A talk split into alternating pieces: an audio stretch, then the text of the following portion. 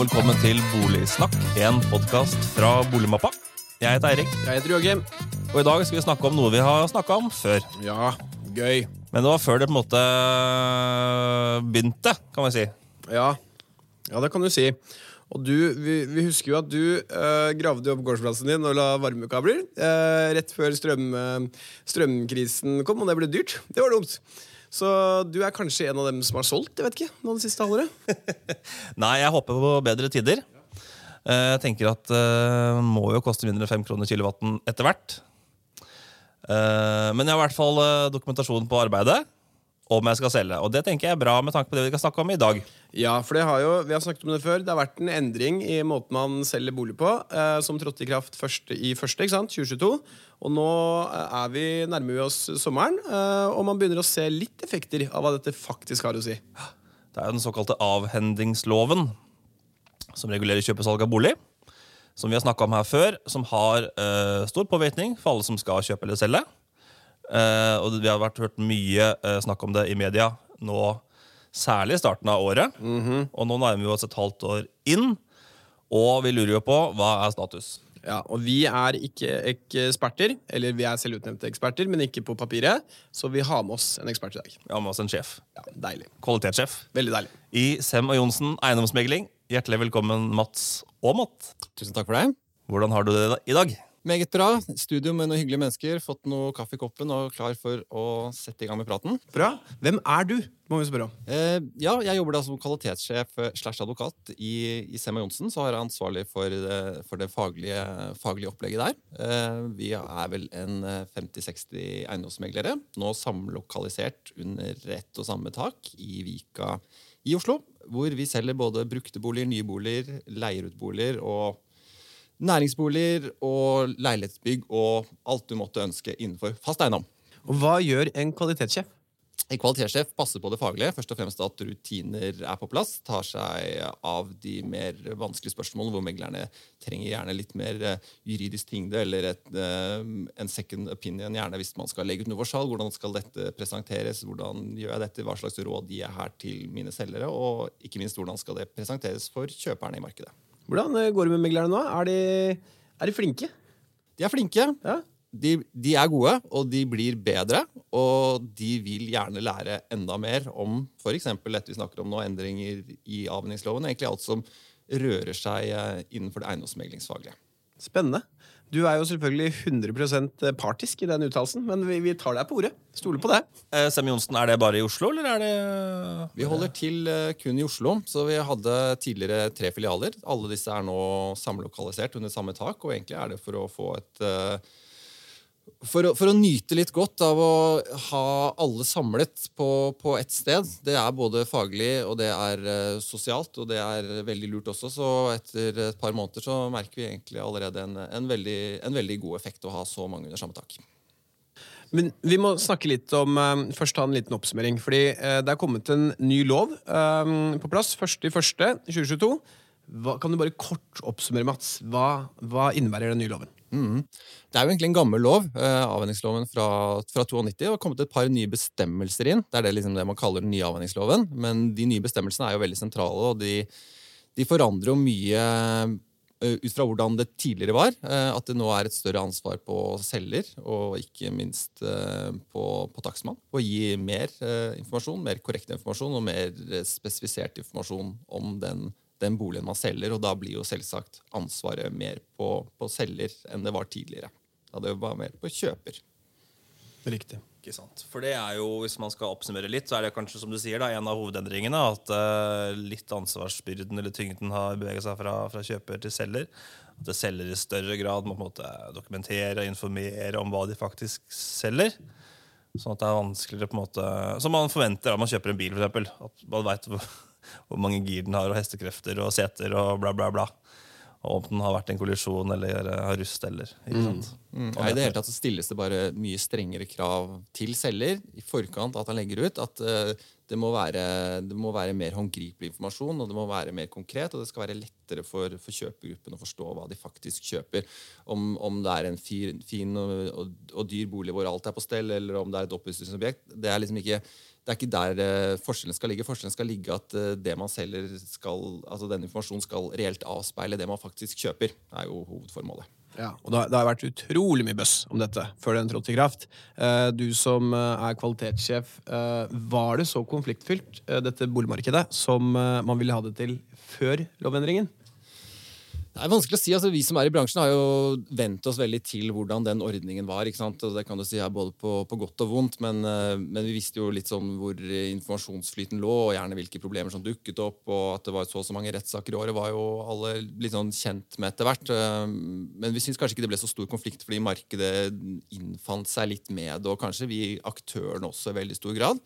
Eh, og da blir det jo gjerne sånn at en endring blir jo, blir jo smertefullt både for, eh, for oss som jobber med det, men, men egentlig alle, alle, utenfor også, fordi det blir jo en bevisst endring for forbrukerne i markedet som skal, skal forholde seg til det. Eh, men jeg tror nok vi venter oss veldig til hvordan, hvordan den ordningen var. Det er vel det svaret jeg kan gi på det. Ja. Vi skal gå litt uh, inn på uh, hvordan man uh, har opplevd at disse endringene har vært i praksis siste halve året. men før vi går dit, og for de som ikke kjenner til disse endringene Hvis man, nå, hvis man selger nå kontra i fjor, hva er på en måte hovedendringen for deg som selger? Altså, riggen er jo ganske lik med megler og bilder og budrunde og visninger og hele, hele den pakka der. Um, forskjellen ligger jo særlig i den jobben som takstmann. Uh, vi kaller ham for takstmann selv om det er bygningssakkyndig og takstingeniør og alle disse tingene her, men jeg tror takstmann kommer til å stå seg i mange år.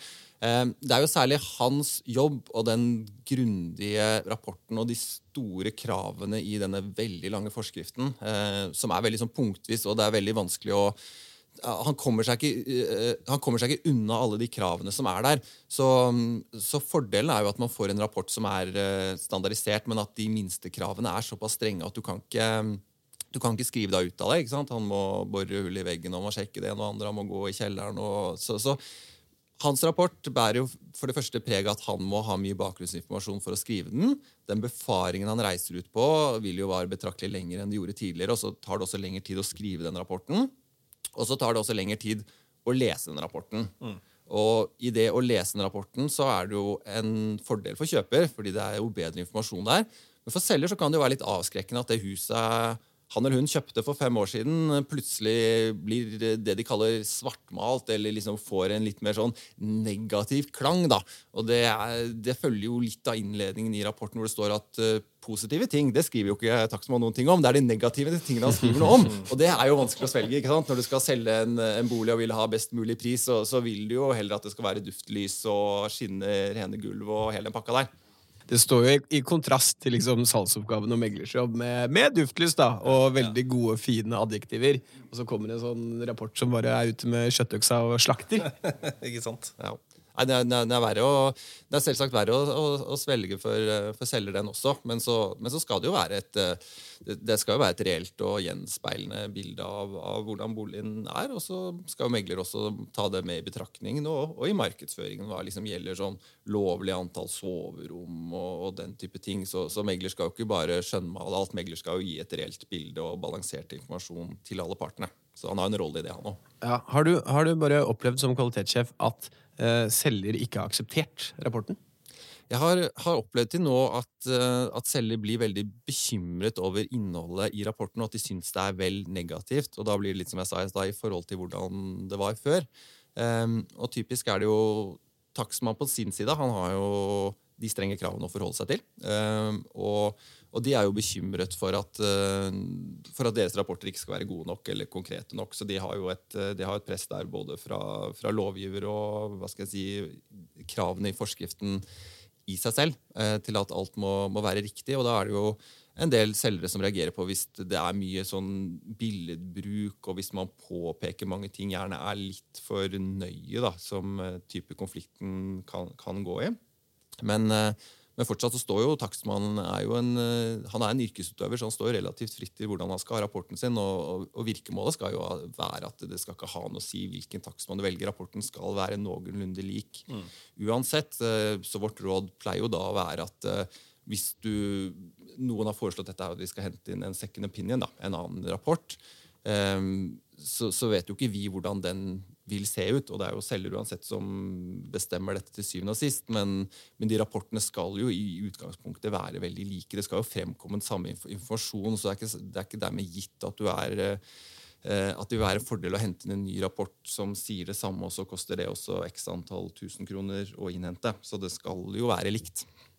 For nå er det bilder i rapporten? forstår jeg det slik? Ja, det tas bilder i rapporten, og det tenker jeg det er en, det er en styrke. For når, når takstmann, det, og det kan jo være en sånn typisk kimet til konflikt som var før, hvor man sier at det er et skjevt gulv eller en bom i flis, så er det litt sånn hva mener takstmann med det? Ja. Og Hvis du da har et bilde av at det er dette han mente med det. Han mente ikke i det andre rommet, eller han mente ikke at hele huset var skeivt. Han mente at her var det skeivt i den overgangen mellom kjøkken og stue. da, for eksempel. ja. Så er jo det atskillig mer konkret. Så, så, jeg tenker jo at det det, er, det er en styrke. og kjøper, kjøper, eller interessentgruppen må uansett gå på visning og bør jo se disse tingene. og De kan jo se det med egne øyne, og kanskje, kanskje ser ting mye verre ut når du har zoomet inn da, på en, en halv av fire side enn når du da ser det med egne øyne. Så, så jeg tenker at liksom, man, må jo, man, må jo, objektivisere det også. At, at, kjøperen må jo også se dette med egne øyne og gjøre opp sin egen mening. Hvor farlig er dette for deg, da? Ja. Dette er jo litt, litt, litt, av kjernen på en måte den, eh, i uh, intensjonen her. At man skal være mer velinformert som interessent og som kjøper. At uh, det er kanskje mange små ting som man kanskje ville reagert på hadde man ikke fått den informasjonen på forhånd. Ja, for det skal, jo, det skal jo være et veloverveid valg. og, og det er jo, i hvert fall sånn Psykologisk så er det jo ingenting som er verre enn at uh, man i etterkant føler seg lurt, eller at noen liksom har prøvd å, å skjønnmale noe. Men hvis du har fått den samme informasjonen, eller fått den informasjonen i forkant, så kanskje det ikke var så farlig fordi du hadde så lyst til å kjøpe det huset fordi det var noe annet som, som trakk opp uansett. Eh, så, så, er jo det et av de virkemidlene for å dempe konfliktnivået. Ja. Ja, det er ganske kontrastfullt. da Du bruker fire uker på å kjøpe pynteputer og så der innlyst og få en profesjonell fotograf til å ta bilder av huset ditt, og så står det en, en takstmann med iPhone 4 liksom, og tar bilde av en sprekt flis. Det er jo surt, og så har du det samme liksom, salgsoppgave da, som skal selge. Mm. Og der, der, er jo noe av tanken at uh, dette er jo den jobben takstmann skal gjøre for at man skal da kunne skille med et hus hvor det er mange bom i flis på badet, og hvor, hvor, det ikke er det. Så det er jo ikke nødvendigvis det at man skal straffe de som har bom i flis, men, men hvis huset er mindre godt vedlikeholdt, eller hvis det liksom er liksom tæret ned av tidens tann, så, så, er det jo det også en kjøper skal, skal, kjøpe. Liksom Ikke bare alle de romantiske tingene rundt huset, men faktisk liksom de der bygningstekniske elementene som, som trekker ned også. Så så, så, det er på en måte ikke en straff. Det skal jo bare være et ærlig bilde av, av det du faktisk har foran deg. Mm. Uh, som du er inne på, så er det jo denne forskriften til uh, loven som beskriver hvordan tilstandsrapporten skal se ut. Uh, som det handler mye om. vi har snakket om noe av det. hulltaking ja. er jo noe som Nettavisen og Dagbladet skriver om. Mm. Hva går det ut på? Nei, Det er helt riktig. Det er jo kanskje et av de mest sånn omtalte elementene ved den rapporten. og Da er det jo ganske sånn tydelig krav til at takstmannen må, må, ta hull på utsiden av badet. altså Ikke i selve badet i flisene, men på et av disse tilstøtende rommene, hvor det typisk er en, en, en gipsvegg eller et eller annet sånt eh, borer man et, eh, et, hull, og da er det ganske sånn utførlig på hvilke typer rom. og noen, I noen leiligheter går jo ikke det. da typisk Hvis du mm. har, eh, hvis det eneste um, veggen ut er f.eks. i gangen osv., så, videre, så kan du ikke begynne å bore i fellesgang. så Noen steder så vil jo alle fire veggene eh, vil jo umuliggjøre det, men i typisk den ene boligen, da, hvis badet ligger da i midten av boligen, eller noe sånt noe, Eh, så skal jo det være en, en, mulighet. og Da er det jo et standardisert hull på noen og 70, 70 millimeter, hvor man da borer et hull, måler fukt eh, i sokkelen innenfor. Og, og, ser om det da er noe fuktighet, og skriver ned eh, resultatet. Og så har man en sånn plastdeksel man setter utapå, så det blir ikke et sånn stort, åpent sår. da, Så det har det jo selvsagt vært uh, mye bekymring for, og det kan man jo skjønne. Det er jo ingen som ingen ønsker å ha det sånn i, i utgangspunktet i huset sitt.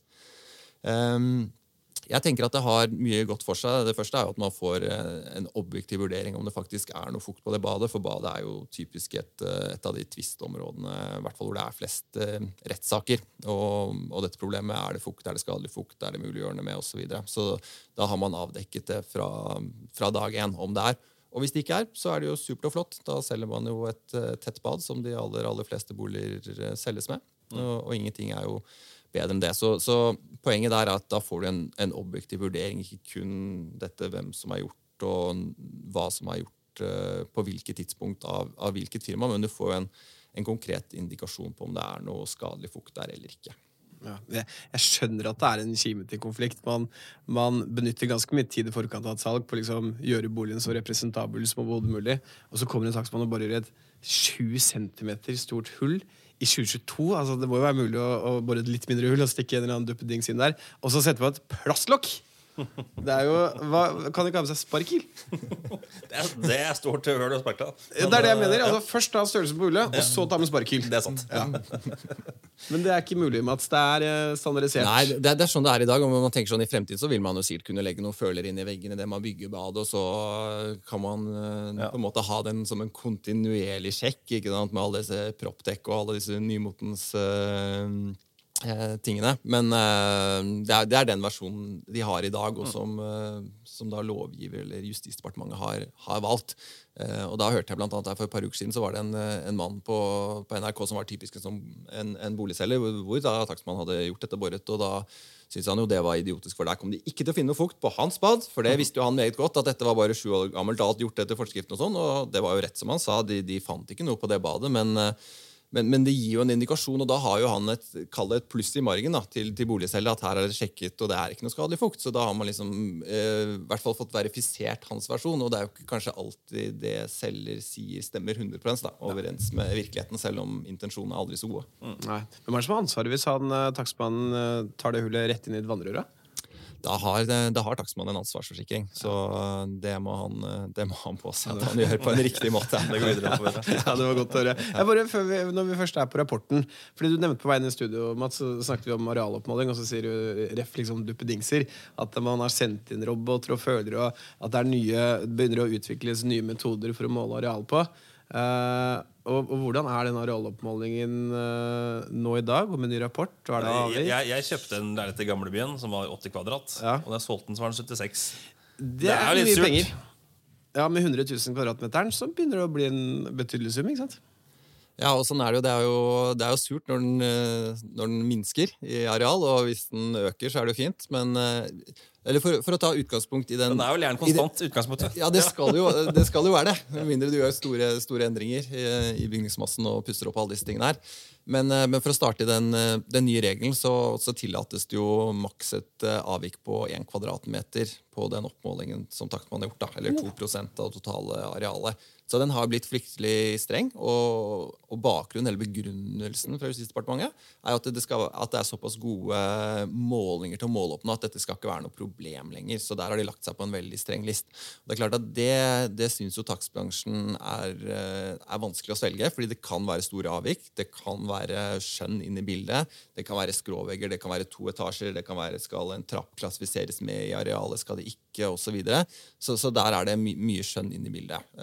Eh, det gjør det vanskelig. og så det senest forrige uke. To, to takstmenn, selv med, med, lovendring og disse kravene her, og målt opp eh, den samme leiligheten to ganger, kommer til et uh, forskjellig tall. Og Der har vi også noen, noen, nye aktører som har utviklet nye metoder, eller en sånn 3D-skanningsapparat som man setter i leiligheten, som setter opp x antall tusen lyspunkter, og som da skal gjøre dette på en helt, helt riktig og korrekt måte. Um, og Der hadde vi et, eh, et, eksempel her for et par uker siden hvor, hvor en av de takstmennene vi har, sa at uh, her, er jeg, her er jeg svært usikker, herr selger. Vil du være 100% sikker, for der var det skråtak og to etasjer og liksom topp, mm. toppleilighet. og Da er det liksom veldig vanskelig å, å vite konkret. Eh, anbefalte å ta inn en 3D-skanner, og det koster jo 10 000 kroner, så det er jo ikke, er jo ikke billig. Så, og, og, da har du jo den risikoen med at leiligheten kan jo krympe ut fra den målingen han opprinnelig har gjort, og da må du bruke den som faktisk eh, er gjort, for da har du allerede sagt at den vil være mer presis. Eh, men akkurat i det tilfellet så økte den leiligheten med, med flere kvadratmeter ut fra hans oppmåling. Mm. Eh, og da, når den da kommer over en sånn gyllen grense, sånn som her var det akkurat sånn over 150 kvadratmeter, så er jo det veldig positivt for, for selgeren. og og da må man jo ta utgangspunkt i, Det er jo ikke testet ennå, men de som har disse 3D-skannerne, mener jo at det er en 100 sikker metode. Og mm. da da må vi jo ta utgangspunkt i det, selv om man ikke rettslig sett har eh, gjort en sånn etterprøving mm. av det. Så, så, det er jo i hvert fall et eksempel på sånn teknologi eller hva som kommer til å skride fram eh, fremover, når, når, reglene blir såpass strenge som de faktisk er. Hva er din anbefaling til boligselger i, i dag, da? For den, den gjengse metoden er vel fortsatt lasmåler, eh, penn og papir og matematikk, ABC. Jeg tenker Det skal svært mye til før man anbefaler en så, så dyr oppmåling. fordi som du sier, takstmann med, med de lasermålerne sine og de beregningene de gjør, så, så, så, skal det i liksom 19 av 20 tilfeller være godt nok. Så det må være de veldig kompliserte leilighetene. Og du kan si De vanlige leilighetene i andre etasje, som er en boks, rette vegger, det skal ikke Der skal man ha gode nok metoder uansett. Hvordan opplever eh, den andre parten, da, kjøper, etter at loven trådte i kraft, disse rapportene? Nå som de er så omfattende det, det megleren sier til oss, er at det er faktisk veldig lite spørsmål til innholdet i rapportene. Uh, og der, uh, der, vet vi jo at de som jobber i takstbransjen, har i hvert fall jobbet med dette med klarere språk, for det har, det har vært et problem tidligere. Men, men jeg tror både forutsetningen for rapportene og innholdet og forskriften er, er utformet såpass klart at det er, det er, ikke så mye spørsmål til hva innholdet egentlig betyr. Jeg tror man mer sånn registrerer ja vel, her er det angitt fukt, og der er det det, og det er et skjevt gulv. Men det er, det er, ikke, det er ikke, ting som i, i, de fleste tilfeller så utleder ikke det noen flere spørsmål, fordi det er såpass konkret. Så sånn sett så tror jeg det blir tatt uh, ganske godt imot. Det kan jo være at de ikke liker innholdet i det og ikke kjøper boligen, men eh, det virker i hvert fall som det er forståelig. da. Ja, De forstår rapporten. Ja. ja for Jeg hører jo at den er omfattende. Mm. Og det å, å, lage den forståelig det trodde jeg skulle bli et uh, problem, men godt å høre at det er ja. ikke. Vi, vi, er jo litt redde for det der information overload, at folk ikke ikke vil lese den. Det, det, kan jo, det, kan jo, bli et problem. Men jeg, jeg har ikke vært over, over i konkrete eksempel på det, bortsett fra at jeg snakket med, med noen, av, uh, noen, av, de som jobber oppe på Hell, hvor de sa at de hadde fått inn uh, et spett antall klagesaker allerede. fordi man må jo tenke at dette er boliger som først ble solgt etter 1.1., så de har fått denne rapporten mm. og alle disse tingene her, og så er det en overtagelse, og nå er vi i, snakker vi juni 2022, så, så vil det jo fortsatt være en liten lag. Men der hadde de fått inn sånn enkelte klagesaker sånn rundt 10 000 kroner. Hvor går grensen? ikke sant? Og det kan jo være litt sånn vanskelig, altså dette, denne egenandelen som først blir trukket fra.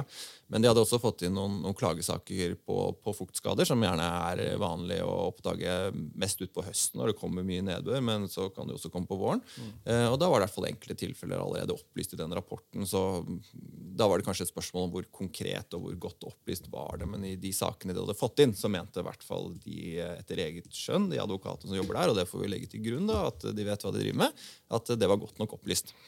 Du nevnte denne nye grensen, 10 000. Den har vi snakket om, Erik. Det har vi gjort. Og den nye grensa øh, er jo satt til øh, 10 000 kroner for å kunne definere noe som en mangel. Før var det vel en 5-6% av kjøpesum som var praksis. Eh, og hele intensjonen til regjeringa med, med, å forbedre denne loven og nye forskriften er jo, er jo å skape en tryggere bolighandel med færre konflikter. Eh, føler dere at vi nå kan se konturene av at eh, intensjonen blir oppfylt? Det er nok litt, er nok litt tidlig å si. Uh, men som en liten presisering, man må, liksom, man må uansett gå innom dette her om, om det er et avvik da, mot avtalen. altså Om det du har funnet, om det står i et misforhold mellom opplysningen i tilstandsrapporten og etter å ha gjort hele den smæla der og funnet at dette koster 100 000, så kan du trekke fra 10 000 kroner, og så blir det 90 000. Eh, sånn grovt sett. da. Så det er på en måte en liten eh, en vei du må gå der, åkke som. Eh, men, men, men, det vi i hvert fall har opplevd til nå, er at markedet liksom tar det ganske godt, uh, tar det ganske godt imot.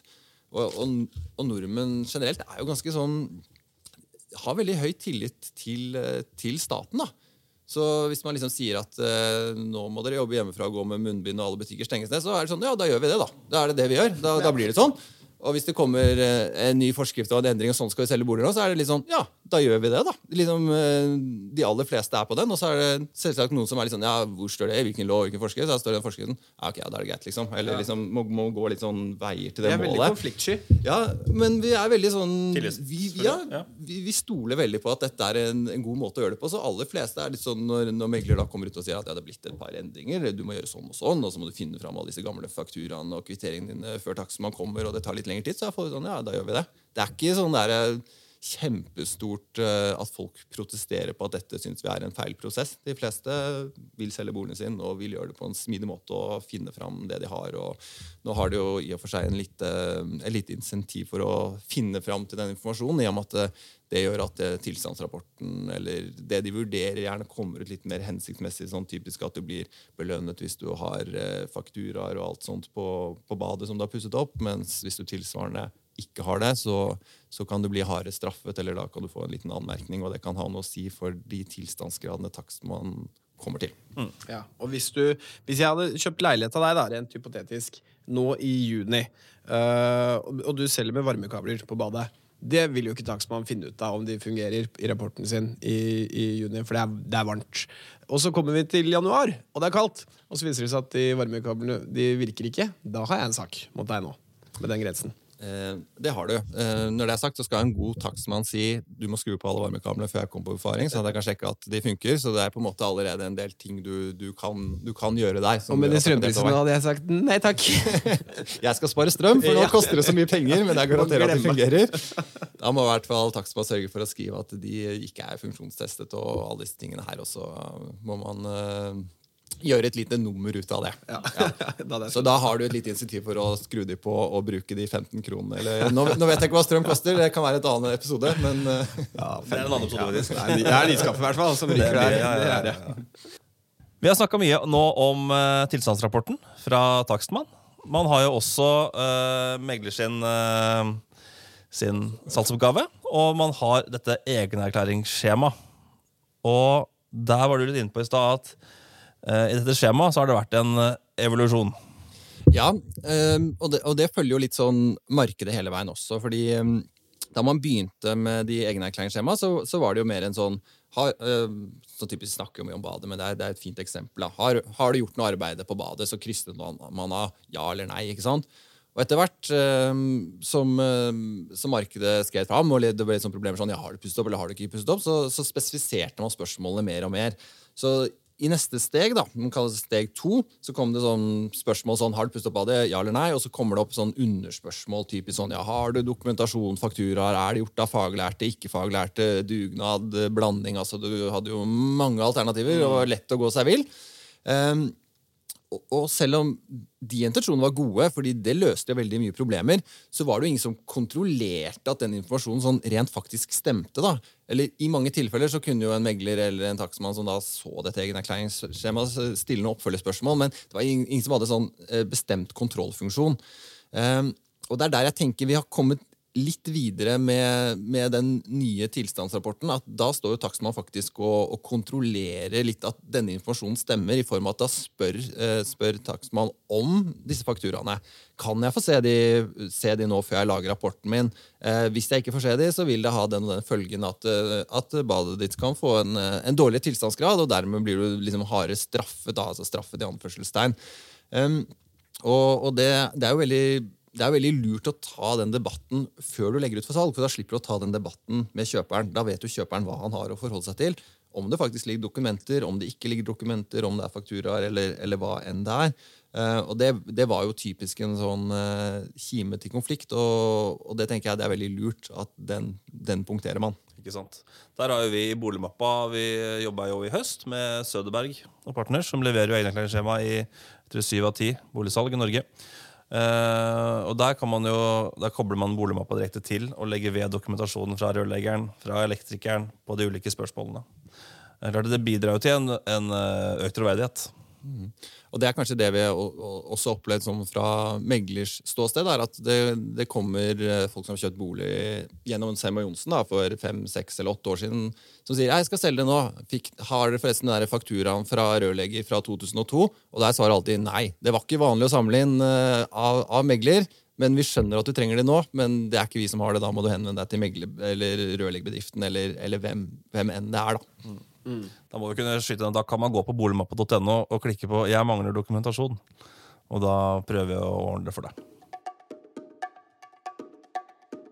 Nå, Mats, som vi er et halvt år cirka inn i denne nye loven uh, hva, det, er, det, er, tidlig å, å, komme med fasit, men hva kan du si så langt? Ved tanke på konflikter? Altså, Det er jo litt sånn sparsommelig med informasjon enn så lenge. og Jeg har liksom vært en runde hos, eh, hos aktørene.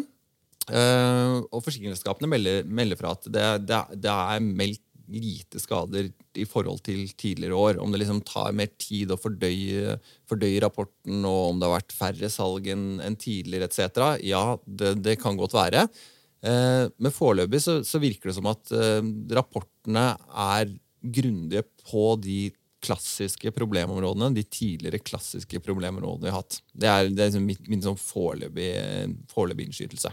Og de klassiske problemområdene har vært Det er, eh, det er jo alt som har med fukt å gjøre. da. Fukt på tak og fukt fra grunn og fukt på bad og fukt på vegg. og Det er, det er liksom fuktighet. Det er, det, det er der mye ligger. Og så I sentrumsleiligheter så, så kan det jo ofte gå litt sånn på areal og sameie og en del sånne andre ting. Og det tar ofte litt mer tid før man, før man finner ut av. Men liksom de, de der umiddelbare tingene er jo, er jo de fukttingene og ting du avdekker når du begynner å pusse opp og rive vegger og finne gammel moro. da. Ja, så, så med denne nye rapporten, hvis vi skal kalle den det, så har vi fått færre konflikter i form av at den er bedre og mer total.